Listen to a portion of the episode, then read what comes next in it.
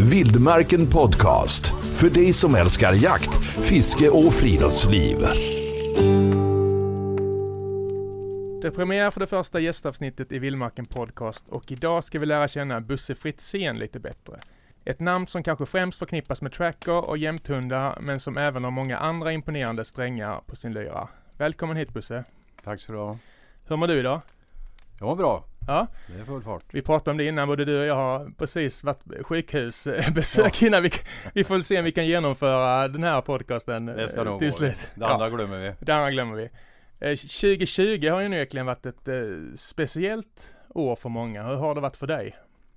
Det är klart att det är ett speciellt år för att eh, man blir ju påverkad så tillvidare. Du kan ju inte jobba på samma sätt som du alltid har gjort och så vidare. Va? Men eh, på mångt och mycket så är det positivt också. Man får tänka om och jobba på ett annat sätt. Mm. Och kanske få gjort mer än när man bara ligger ute och reser. Det är bara att ta det försiktigt och acceptera läget. Ja, jaktbranschen har väl ändå kommit undan ganska bra. Allt är Ja. väl relativt, men, men vad är din erfarenhet? Jag tror nog att det till och med kan vara positivt för jaktbranschen för att eh, om folk blir permitterade eller går hemma, de har inte jobb, då vill de göra något annat. Mm. Och det har jag märkt tidigare. Jag var på Norma för ett antal år sedan och när Mm. det var dåliga tider, ja då kanske våran försäljning gick upp till och med. Mm. Så jag tror inte jaktbranschen kommer att ta stryk av. Vi ska såklart prata tracker och jämthundar alldeles strax, men jag tänkte att vi börjar avsnittet med att ställa snabbfrågor så att eh, lyssnarna får lära känna lite bättre om, om det är okej. Det är helt okej. Beroende på frågorna naturligtvis. Ja, det är både trams och, och lite allvar och, och, och så vidare. Född och uppvuxen, Uddevalla. Uddevalla. Ja. Hur var det? Vad, vad hade du för intressen som, Jag som började, liten? jag kom in i jakten med en gång jag kom ut höll jag på att säga. Men eh, pappa jagade, pappa tävlingssköt och så vidare och då kom jag in i det. Det var ganska naturligt. Mm. Och eh, jag har hållit mig till det. Vad, är ditt, vad är ditt första minne? Menar du från jakten eller Precis. Jakt och skytte. harjakt Har med stövare? Det, det, det var jag med från jag, långt, långt innan jag började jaga själv. Men när man kunde gå med ute. I Uddevalla-trakterna då eller? I Uddevallatrakterna ja. Ja. Och det här med skyttet, det kan vi ta direkt. Jag, jag läste på, jag visste inte det här innan, men du var officer i Ja, Uddevalla, eller hur? Ja, ja. Och då ledde du gevärs, gevärslandslaget i skytte. ja det gjorde jag. Det gjorde jag eh, under en period på 80-talet där. Mm. Uh, framförallt sköt jag själv när jag var militär. Och eh, jag kanske till och med började i militära för att få möjlighet att skjuta på ett annat sätt än vad jag Mm. hade om jag inte hade varit där. Sen så efter ett tag så fick jag rollen som eh, ansvarig för 300 meters landslaget i skytte. Okej, vad innebar det mer konkret så? Det var ju det var ju en eh, sammanfattande roll kan man säga. Man, man var med grabbarna när de tränade och när de tävlade och plockade ut landslag och så vidare och, och ut och tävla. Måste ha varit väldigt ung då? För att vara Nej slags... det var ju fan, jag är ju gammal nu ja. Nej, det var så. Så det var inte så farligt. Men, nu hoppar vi lite här, men, men eh, jakten kom in direkt sa du. Vad, Ja, visst. vad, var det som gjorde att du fastnade? Ja, pappa jagar. Brorsan som är 6-7 år äldre än mig, han jagar. Mina farbröder jagar. Det, var, alltså, det har legat i släkten långt tillbaka. Du hade var, inget val? Nej, det, det, var, det var tur att jag inte hade några val. va, Men det var ju ingen hobby, det var ju en livsstil. Vi levde, Mm. vi hade Pappa, vi hade stövare hemma och, och de bodde med oss. Va? Alltså det, det är så naturligt alltihopa. Ni bodde lite ute på landet eller? hur? Nej, vi bodde inne i en stad bodde faktiskt. inne i-. Jajamensan. Ja. Och hundintresset då kom samtidigt då, förstår Jajamän. jag. Men, och, och många förknippar dig med, med, med jämthundar och du var ju Mm. med och grundade Svenska Jämthundklubben. Det ska vi inte prata om eh, nu, men, men är jämthundar speciellt för dig? För när jag har frågat runt så förknippar alla dig med jämthundar. Ja, det blir nog, det är det egentligen inte. Nej? Eh, Både ja och nej. Idag har jag jämthundar. Eh, Jag är tillsammans med en, en tjej som heter Linda Nordling och vi har sex jämtar idag Mm. tillsammans. Mm. Eh, Före det så hade jag gråhundar. Och eh, jag är inte speciellt eh, inriktad på att det ska vara en jämthund. Det ska vara en Okej. jakthund. Det ska vara en bra jakthund och det är individen som avgör. Mm. Och, och som jag brukar säga ibland, en bra gråhund är bättre än en dålig jämte och tvärtom. Mm. Men sen så fick jag några jämtar som jag tyckte var bra. Sen har jag fortsatt på dem och, och tagit några kullar någon gång ibland och sen så har jag haft någon parningsvalp och så vidare. Det har, det har gett sig själv det där. Okej, okay. ja men det är många som har sagt just det om, om dig med jämthundarna och givetvis svårt att prata om sig själv, men, men, men finns det fog för redaktionens smicker här? Finna fina ord om dig när det gäller uppfödning? Det, det, är, det är väl både och. Du får inte vara blyg nu här. Nej då, men det är väl både och. Nej, men jag har inte haft någon särskilt framgångsrik uppfödning. Nej. Jag, vi har tagit några kullar och framförallt har jag tagit kullar när jag ville ha haft eh, hundar själv. Mm. Så det med upp, själva uppfödning det är inget större. Men däremot har jag haft lite hanhundar då som eh, jag använt i avel som, som kanske har gett ganska hyfsat i aveln. Mm. Men det är både gråhund och jämthund. Okej. Okay just den här processen har vi faktiskt fått in en, en, en, fråga om. Alltså processen från unghund till champion. Det är ju otroligt svårt att, att få ner på några rader förstår jag. Men, men skulle du kunna ge lite hemligheter om hur, hur du gör? Ja, och har gjort genom åren? Det, det finns inga hemligheter och, och eh, jag tror man kan göra på många olika sätt. Men, men naturligtvis finns det ett sätt som passar mig. Och, och det försöker jag hålla mig till. Va? en bra hund börjar ju naturligtvis när man tittar ut vad man ska ha för en valp. Och, och vara noga med att studera stamtavlor, studera prov fram och tillbaka. Och sen så då brukar jag titta på vissa moment. Jag vill att de ska ha bra skall i släkten bak igenom. Jag vill att det ska vara hundar som ställer älgen på plats. Jag är inte intresserad av, av en hund som skäller varje gång men han skäller tre mil bort. Så att det där finns olika och det kan man ju inte gardera sig för. Men sen är jag nog mycket försiktigare med att börja jaga in hundar än vad de flesta är. Mm, du bidrar din tid. Ja, det ty jag tycker att det finns så många andra. Ska du få en hund som blir bra så är det ju inte bara att han ska skälla älg. Han ska ju även komma när jag pratar med henne och vill att han ska komma. Vi ska kunna avbryta jakten. Vi ska mm. kunna göra så mycket annat ihop. Jagar du ett jaktlag så ska han passera passlinjen när han går tillbaka. Han ska inte stanna i passlinjen och så vidare. Mm. Och för att få alla sådana moment att fungera så vill jag hålla på med hundarna själv när de är små. Jag vill inte jaga med dem i lag. Därför är jag väldigt försiktig. Och framförallt då, jag är inte intresserad att försöka hitta en älg när hunden är sex månader. Varför? Det finns eh, olika orsaker. Dels för att jag be befästa de här grejerna. Han ska leta upp mm. han ska komma tillbaka. Han ska göra massa sådana saker. Men samtidigt så ska du veta det att en älghund har ju ett ganska farligt arbete. Han ska ju stå och skälla alldeles för fötterna på någonting som kan sparka till och så vidare. Han måste vara mogen i skallen. Mm. Och eh, jämför jag det med, jag skickar inte ut en unge på sju år i trafiken med cykel. Nej. Det kan gå bra men det kan också gå till helvete och det, mm. det tycker inte jag det är värt. Jag har ingen brådska, hund blir inte sämre när han blir gammal för det. Nej. När tycker du är lagom ålder? För dina det, det där beror ju på, det måste man titta på individen. Mm. En individ kan vara mogen, han är 8-10 månader. En annan individ är inte mogen förrän, förrän den är ett och ett halvt år. Men det, det, är ju extremfall naturligtvis. Ja, jag Men jag brukar inte ha någon större brådska förrän de närmar sig ettårsåldern. Nej. Ja, När det gäller just uppfödning, Aha. är det något som du önskar att du visste redan från början som du, du har lärt dig på vägens gång liksom? För jag antar att du också har gjort misstag i, genom åren här. Ja, det har jag gjort många misstag. Och det är väl framförallt det vi pratar på här nu då, att skynda långsamt. Den här att, att eh, vi kommer tillbaka igen att, att hund ska skälla, vara färdig älghund när den är sex månader. Det, det tycker jag är vansinne. Och tyvärr så stressar ju de kraven fram uh, saker som inte är bra tycker jag. Mm. Uh, jag hade nog uh, låtit hunden mogna mer när, när om jag hade fått gjort det från början. Man ska ta sin tid. Och, och, och, jag fick lite punkter här innan som jag tyckte var fint. Jag läser ordagrant här. En jakthund är en individ med både hjärna och hjärta. Behandla aldrig en jakthund som om det vore ett verktyg helt utan känslor. Och det såg man ju på din bil när du nu rullar in här på parkeringen till exempel, att, att du lever lite efter det när det gäller ja, dina hundar. Det försöker jag göra för de vet att det är jag som bestämmer, det måste de ju göra. Mm. Men, men om jag ställer krav på en hund, då ska hund ställa krav på mig. Det är ju mm. fullt klart. Mm. Uh, jag reser mycket och jagar på många ställen.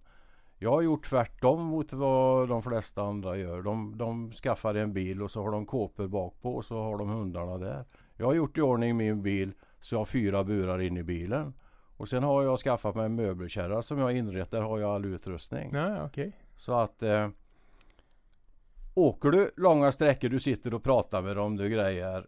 Mm. Det är ingen fara. De mår så bra bak i de här Mm. eh, de andra bilarna också. Mm. Men jag har kontakten tycker jag med dem. Och det är så jag vill leva med en hund. Mm. Jag, jag har den inne, alltså hemma har jag en hund ömsom inne. Jag har hundgård. De är i hundgårdarna ibland. De är i ett hundhus ibland. Men de är precis lika mycket inne hos mig. Mm. Så vi skiftar ju då. Naturligtvis har vi inte sex jämtar inne hela tiden. Utan vi låter dem eh, vara inne ibland och Mm. ute ibland. Familjemedlem, helt enkelt. Absolut. Vad är du stoltast över i din eh, yrkes... Ja, vi kan ta både yrkeskarriär och, och jaktkarriär. Du får, du får välja vilket. Ja, det var en fråga som, som jag inte var beredd på. Nej, utan, det är eh, lite allt möjligt här nu i början. Eh, Jag får tänka. Jag, jag, jag tycker väl att jag har fått fram några hundar eh, ganska hyfsat till, till bra poäng på prov och så vidare. Mm. Och det, det tycker jag är jävla roligt. Att få fram en hund det, det är en sak. Men, men att göra det flera gånger då, då må man ha en viss metod tror jag. Mm. Men det är inte alltid det lyckas för det. Nej, såklart. Vilken är din främsta jaktupplevelse för egen del?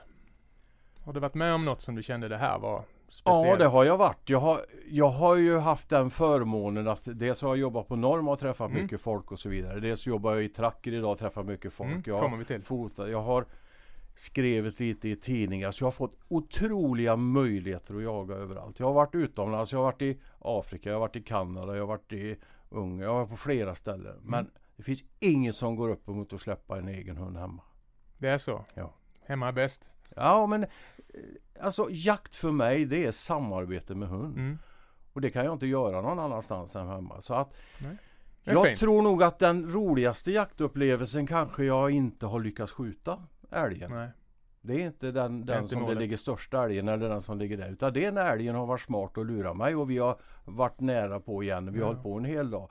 Det tror jag, jag har många sådana minnen i skallen. Tack för god match. det. Blir liksom en, Ja visst, en annan precis. slags... Lyft på hatten och tacka för den. Ja, dagen. precis. Ha, men, har du något drömjaktresmål kvar som du vill genomföra? Nej. Nej. Jag, jag har aldrig drömt om att åka utomlands och jaga. Utan det har blivit slumpen att jag haft möjligheter med jobb och grejer. Mm. Min drömjakt är att få gå med en ny unghund ut och släppa på första älgen.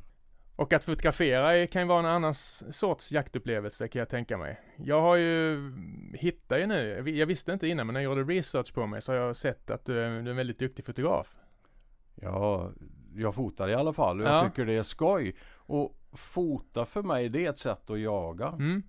Det har jag hört flera som har sagt faktiskt Ja, genom åren. Och det är det också för att jag tar ofta hunden och kameran och går ut. Mm.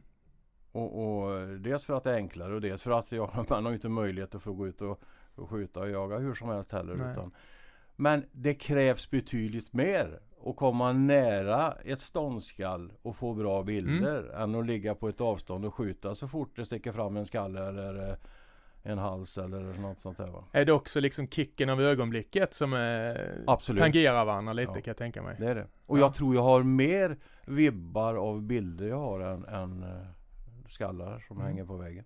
Har du något eh, fotoögonblick som du minns lite mer än andra? Jag såg en björn som Daniel på redaktion, eller en bild som Daniel på redaktionen skickade till mig. Det var björnungar som klättrade i träd. Ja.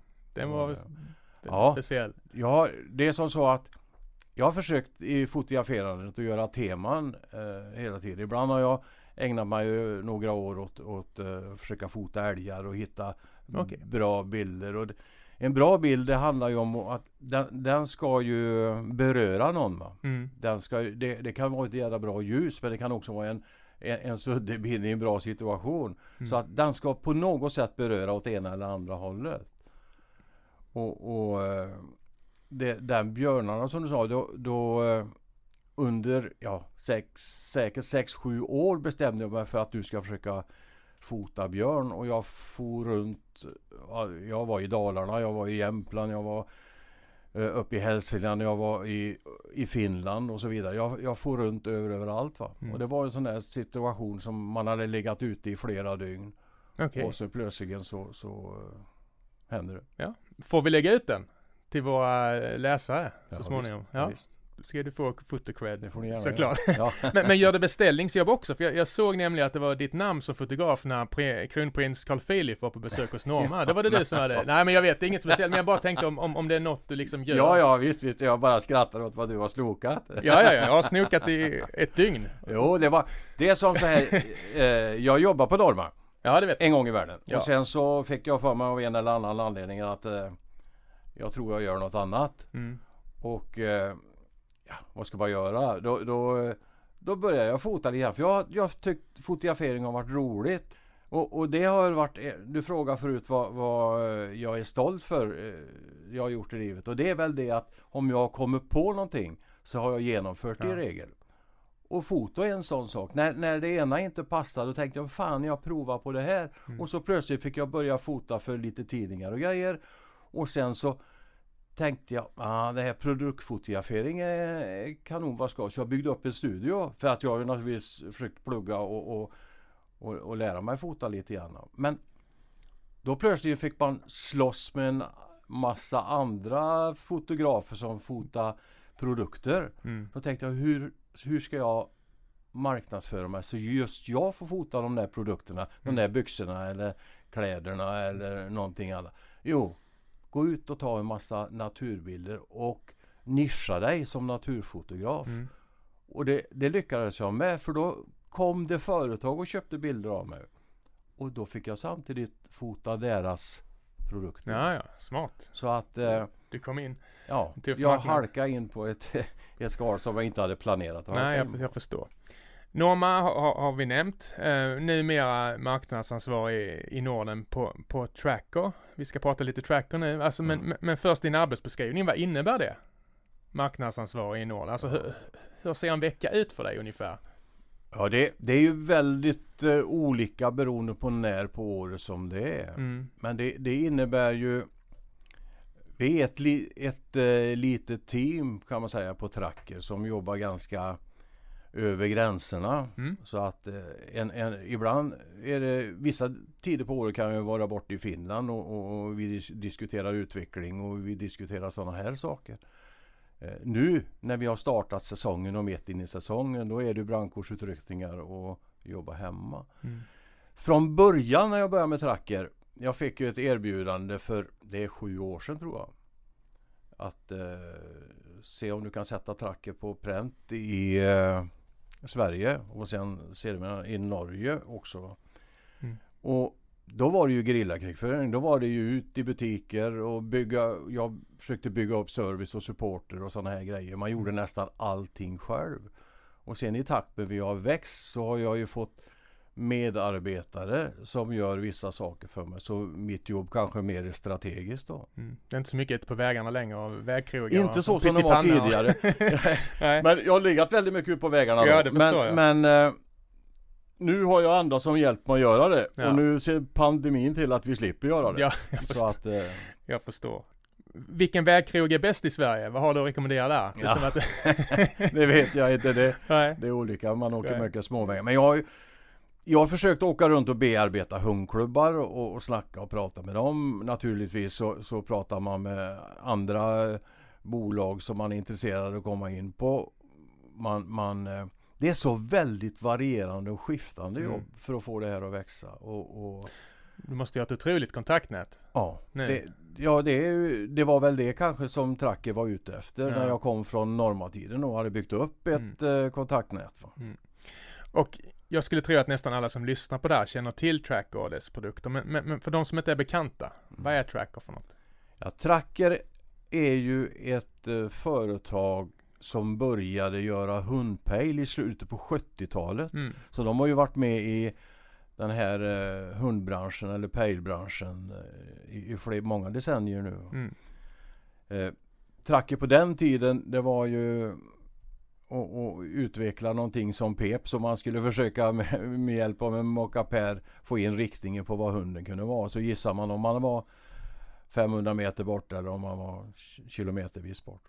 Idag är det ju mer en, en digital grunka och en programvara till din telefon. Eh, där hunden har en sändare på sig. och du med hjälp av telefonen ser exakt var hunden och var dina kamrater är, hur terrängen ser ut, hur jakten går.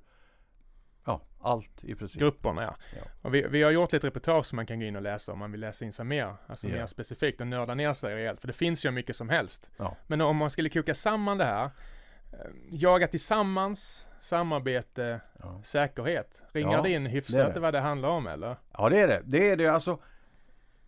Det handlar väldigt mycket om säkerhet. Du, Mm. Idag kan du med hjälp av, eh, tracken se var du har dina eh, passgrannar. Mm. Se var du har dina jaktvänner. Se var hundarna kommer fram och så vidare. Du vet avstånd och så vidare. Men samtidigt vill jag, vill jag fast med min målsättning att sälja så mycket tracker som möjligt. Så vill, vill jag peka på en sak som jag tycker den används fel ibland. Och det är att man börjar jaga med tracker. Man, man, man glömmer att man är ute i naturen. Precis. Man tittar digitalt. Det tycker inte jag man ska göra. Nej. Jag tycker man ska ha det som ett verktyg, ett hjälpmedel och sen ska man uppleva naturen och jakten. Jag läste, jag såg i en annan intervju att du just jämförde med en bil. Man kan hante- hantera en bil dåligt, Ja. men det kan vara ett otroligt hjälpmedel också, Absolut. ungefär.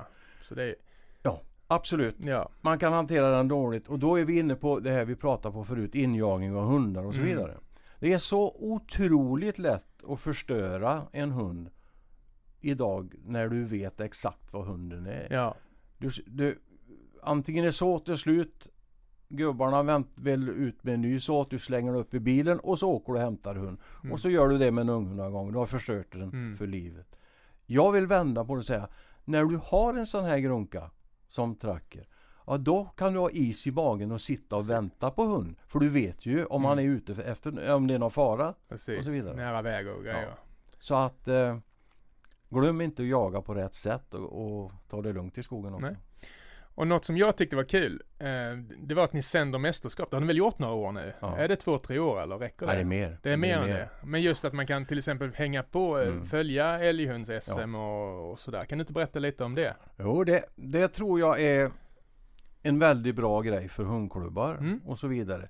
Vi, vi som jagar, vi har ju många i samhället emot oss egentligen som inte tycker jakten är så bra. Eh, vi har svårt att nå ut med vårat budskap och vi må, Många tror helt enkelt att vi håller på med helt andra saker än vad vi gör. Mm. Här har vi en gyllene möjlighet att visa upp vad vi gör. Så att vi vänder oss, vi från Tacker, vi har vänt oss för ett antal år sedan ut till hundklubbarna. Så har vi skapat ett program som innebär att om det går svenska mästerskapet på älghundar exempelvis. Då har varje hund en sändare. Och normalt sett om du är ute och jagar så säljer vi naturligtvis licenser eller vi säljer det är ju våran affärsidé att vi säljer sändare och vi säljer licenser till telefonerna. Mm. Men när det är ett mästerskap då lägger vi ut en länk på webben så vem som helst oavsett om de har program eller ej kan gå in och klicka på den och sen kan de följa hunden från den startar till den är färdig en 5, 6, 7 timmar längre bort. Väldigt enkelt. Väldigt enkelt. Men jämför det med orienteringen. Orienteringen blir en helt annan sport Mm. när GPSen kom på uh, Ja, orienterarna. det var det jag tänkte fråga. Intresset, är det stort?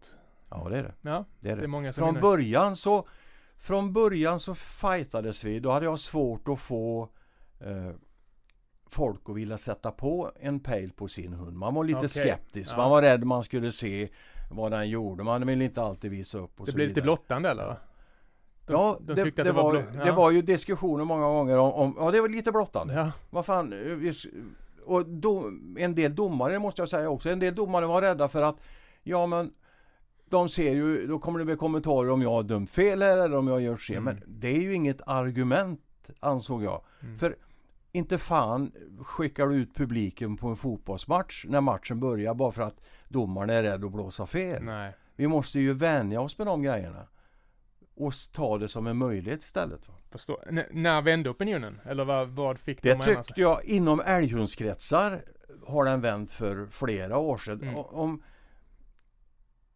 I början så, så hade vi svårt att få, om jag startar ett SM med 10 hundar, att få alla att bära det. Idag är det inget snack, då bär alla Nej. hundarna. Eh, Förra året så sände vi med reservation för någon, någon enstaka siffra här, men jag tror det var 263 hundar som startade i mästerskap. Och det var inte en enda som sa nej. Till att sätta på en sändare. Och det var inom älghundskretsar. Ja, ja. Inom stövare har det varit lite annorlunda. Där har det varit väldigt svårt. få. Inom drever har Varför det då? varit... Va- varför är det svårare där? Ja, jag tror att man inte är van vid det. Vi börjar Ja. kanske med älghundarna. Vi har fått in ett, ett synsätt där. Mm. Kanske att det är lite äldre åldersstruktur inom stövare. Jag vet inte okej. vad det kan vara. Men om jag tittar på dreverrasen så var det också svårt där i början. Men det är nästan så de kontaktar oss idag. Där, där har vi tillsammans med Svenska DV-klubben gjort en, en väldigt rolig tävling i flera år i sträck. Mm. De har startat unghundar samtidigt runt om i Sverige på massa olika Ja, ja. platser. Och vi har haft upp till 70 hundar som vi har haft sändare på precis samtidigt. Coronavänligt också. Ja, det är det verkligen coronavänligt. Du slipper resorna, du slipper Ja. resa runt. Men som, så är du intresserad åskådare eller vad jag ska kalla det så kan du sitta hemma Mm. och följa detta. Är det något ni kan Precis komma att jag. utveckla framöver? Det Det jag. låter Det ju jag. som det ligger i tiden. Absolut. Vi Ja. håller på och vi har just kommit med en ny programvara och är, är i en skärningsperiod mellan gammal och ny. Men naturligtvis kommer vi att flytta över alla möjligheter vi hade på det gamla plus Mm. att vi kommer att utveckla det nya. Går det att ge en liten eh, hint om vad som komma skall härnäst för Tracker? Ja, det, det vet vi ju inte själva, Nej. jag säga. Men det, det, det pratas ju om man vill kunna styra kabeln, man, kun- man vill kunna göra en massa saker från grejerna. Det vågar jag inte lova vad man kan göra. Men däremot så, så om man tittar på, på programvaran då så har vi ju precis kommit ut i år med något som kallas för Tracker Hunter 6 som, Mm. som eh, just är släppt. Och det ska jag villigt erkänna att när man släpper en helt ny plattform så har vi eh, vissa problem vi måste brottas med. Vad har ni för Men- utmaningar nu? Ja, det är som utmaning nu alltså. alltså Mm. Vi, vi köper bland annat allt kartmaterial från Lantmäteriet och Metria och så vidare. Okej. Det har varit anpassat efter, efter de äldre förhållanden och det gamla eh, trackersystemet. Okej.